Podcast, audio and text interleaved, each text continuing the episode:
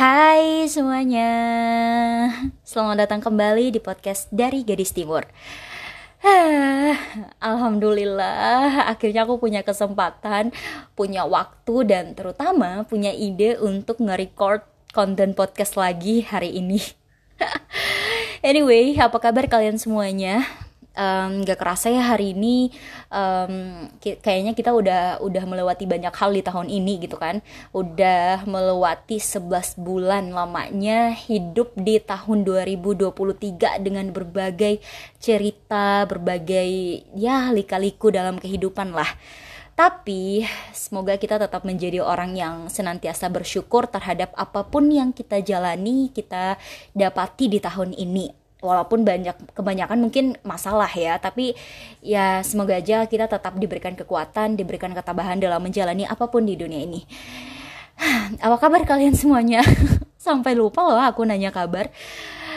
Ya apa kabar kalian semuanya? Semoga um, di mana pun kalian berada tetap dalam keadaan yang sehat dan penuh semangat dalam menjalani hari-hari ke depannya karena kita sudah hampir memasuki tahun 2024 kayaknya kita butuh deh semangat baru kita butuh wawasan baru butuh ilmu dan pengalaman baru di tahun ini.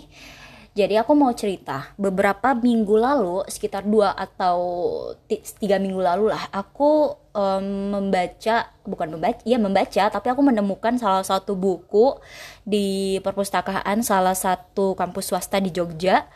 Bukunya itu berjudul um, Gen Z ya, generasi Z memahami karakter generasi baru yang akan mengubah dunia kerja. Jadi um, ceri, uh, buku ini itu karangan dari um, seorang ayah dan anak yaitu dari David Stillman dan juga Jonah Stillman sebenarnya sih um, dalam buku ini tuh banyak sekali bagian-bagian yang pengen aku bahas dengan kalian pengen aku cerita pengen aku uh, mungkin dari apa yang aku baca bisa kalian dapati insight baru. Tapi karena saking banyaknya nih ya aku rasa aku nggak bisa untuk membahas itu satu buku full dalam satu episode. Mungkin aku akan membagi-bagi bagian dari buku itu per episodenya um, jadi mungkin uh, dari jadi gini singkatnya um, si David Stillman ini dia itu menghabiskan 20 tahun dalam meneliti, dalam menulis dan berbicara dengan perusahaan-perusahaan terkenal terkait dengan topik Gen Z itu sendiri. Nah, ini tuh merupakan pekerjaan penuh dia pen, uh, beliau dalam lima tahun gitu. Jadi uh, dia memanfaatkan pekerjaannya selama lima tahun dalam meneliti dan menulis bahkan um, bersuara terkait dengan generasi Z ini. Nah, kenapa? Karena dia tuh melihat ada kesenjangan yang apa ya, yang sulit menjembatani antara generasi ini dengan orang-orang lainnya, apalagi generasi-generasi terdahulu. Kurang lebih seperti itu. Dan dia melibatkan, um, dia melakukan penelitian dengan melibatkan anaknya, yaitu Jonas Stillman, untuk meneliti terkait dengan generasi Z di tahun ini. Kenapa dia memilih Jonas Stillman, anaknya sendiri? Karena dia merasa bahwa Jonas um, Jonas Stillman ini salah satu bagian dari um, generasi Z yang mungkin bisa dia libatkan dalam penelitian dia terkait dengan kira-kira ada apa sih kesenjangan dari uh, generasi Z ini dengan orang-orang terdahulu, orang-orang yang ada dalam dunia kerja. Kira-kira um, generasi Z ini apa yang mereka inginkan dalam dunia kerja, apa yang mungkin akan menarik perhatian mereka, dan apa yang mungkin menurun menurunkan semangat mereka dalam kerja. Um, kurang lebih seperti itu sih. Namun mungkin kita akan membahas penelitian-penelitian dari David dan Jonas Tillman ini di episode selanjutnya. Namun pada hari ini kita akan membahas tentang um, 6 generasi di Indonesia. Jadi aku akan memperkenalkan ke teman-teman semuanya ada 6 generasi di Indonesia yang perlu teman-teman ketahui sebelum kita melangkah lebih lanjut terkait dengan um, memahami karakter generasi baru yang akan mengubah dunia kerja. Kurang lebih seperti itu ya, teman-teman. Anyway, aku mau putar um, musik dulu untuk um, mengiringi pembahasan kita pada hari ini.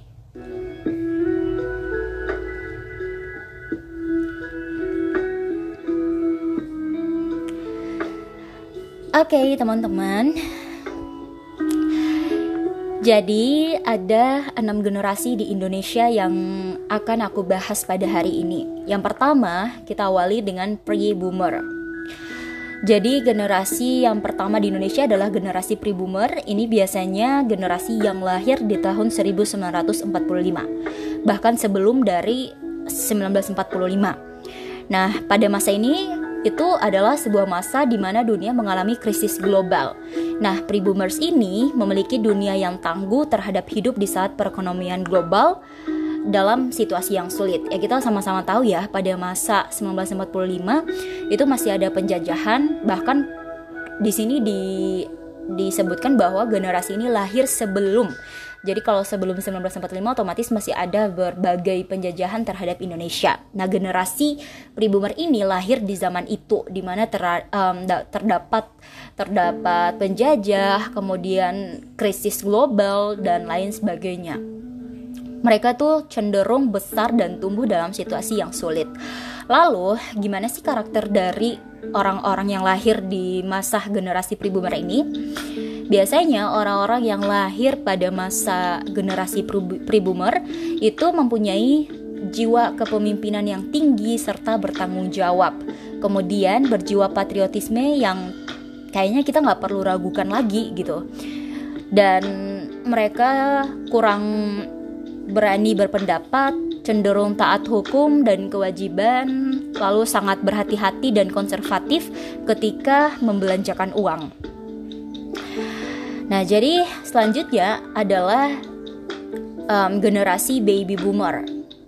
Apa sih generasi baby boomer ini? Generasi baby boomer ini adalah generasi yang saat ini berusia sekitar 56 sampai 74 tahun. Which is mereka lahir di tahun 1946 sampai 1964. Nah, generasi boomer ini dikenal dengan generasi yang kompetitif karena hidup di masa yang minim lapangan kerja. Lalu, um, biasanya karakteristik mereka adalah berkomitmen, mandiri, dan kompetitif. Mereka cenderung mempunyai karakter yang matang um, karena ditempa oleh keadaan yang sulit. Selanjutnya, mereka tetap mempertahankan adat istiadat dan cenderung kolot. Selanjutnya, mereka tidak terlalu suka dikritik, lalu setia dan rela bekerja. Um, mereka tuh rela bekerja keras untuk keluarga. Lalu yang ketiga adalah Gen X. Generasi yang lahir pada tahun 1965 sampai 1980 Yang kalau kita hitung-hitung itu sekarang mereka berumur 40 sampai 55 tahun. Generasi ini tumbuh pada masa perubahan sosial dan perubahan teknologi Seringkali Gen X ini dianggap sebagai penghubung ada antara generasi yang lebih tua atau yang tradisional dengan pemikiran yang masih mengutamakan adat istiadat dengan generasi yang lebih mudah dari itu, yaitu generasi yang um, sudah tumbuh dengan teknologi digital. Kira-kira karakteristik karakteristiknya yaitu mereka lebih individualis, lebih pragmatis dan sinis kemudian lebih toleran terhadap gaya hidup dan perbedaan kultur, lebih logis dan juga mereka merupakan pemecah masalah yang baik. Selanjutnya, generasi keempat adalah generasi yang kita kenal yaitu milenial atau Gen Y atau Gen Y. Generasi ini lahir pada tahun 1981 sampai 1996 mereka itu berusia kalau di sekarang di tahun sekarang berusia 24 sampai 39 tahun. Nah, generasi milenial lahir bersama dengan munculnya teknologi informasi dan komunikasi yang membuat mereka mengenal smartphone, mengakses komputer dan juga memiliki sosial media. Nah, biasanya generasi milenial punya tingkat pendidikan yang baik, lalu mereka juga cerdas teknologi karena tumbuh dan besar di dunia yang canggih dengan teknologi. Kemudian, mereka juga generasi yang berani, inovatif, kreatif, dan juga modern. Le mereka lebih terbuka, kemudian punya ekspo um, bukan, maka mereka tuh punya ekspektasi yang tinggi gitu. Dan juga mereka cenderung lebih partisipatif dibandingkan yang lain. Nah, ini dia kita masuk ke generasi Z atau Gen Z itu sendiri, yaitu generasi yang lahir pada tahun 1997 sampai 2012. Generasi ini dikenal dengan gen internet atau generasi internet. Kenapa? Ya karena mereka lahir di zaman teknologi gitu, di zaman yang semuanya pemanfaatannya melalui, melalui teknologi, melalui sosial media dan melalui internet. Karakter mereka itu cenderung lebih suka berkolaborasi dalam pekerjaan, menyukai tantangan dan dimotivasi oleh pencapaian. Nah, di sini disebutkan bahwa mereka itu dimotivasi oleh per, uh, pencapaian gitu.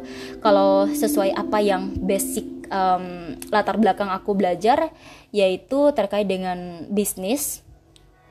Um, orang-orang dalam dunia pekerjaan itu biasanya mereka tuh menganggap apa pun yang mereka lakukan itu sebagai prestasi. Jadi mereka senang apabila tingkah mereka, pekerjaan mereka yang mereka lakukan itu dianggap sebagai pencapaian bagi perusahaan.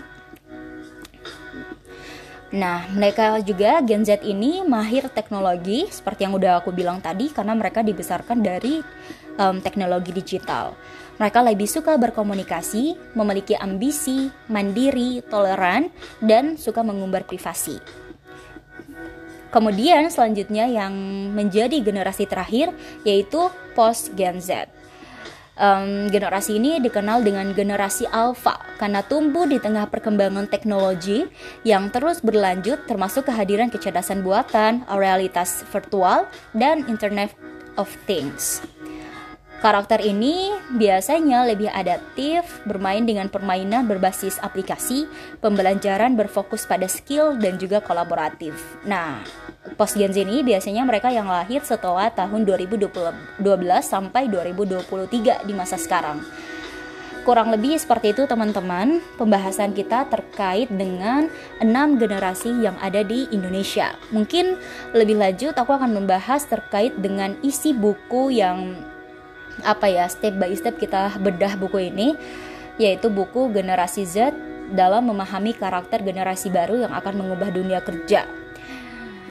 Ya, kurang lebih seperti itu. wow, durasinya 12 menit, teman-teman. Um, mungkin itu aja dari aku. Terima kasih sudah mendengarkan podcast ini. Semoga ke depannya akan ada podcast yang memberikan insight kepada teman-teman semuanya sehingga waktu teman-teman itu tidak terbuang dengan sia-sia. Jadi aku akan mengupayakan ketika teman-teman mendengarkan podcast ini akan ada pengetahuan baru yang teman-teman dapatkan. So, itu aja dari aku. Terima kasih sudah mendengarkan dan sampai jumpa di episode podcast selanjutnya. Bye bye.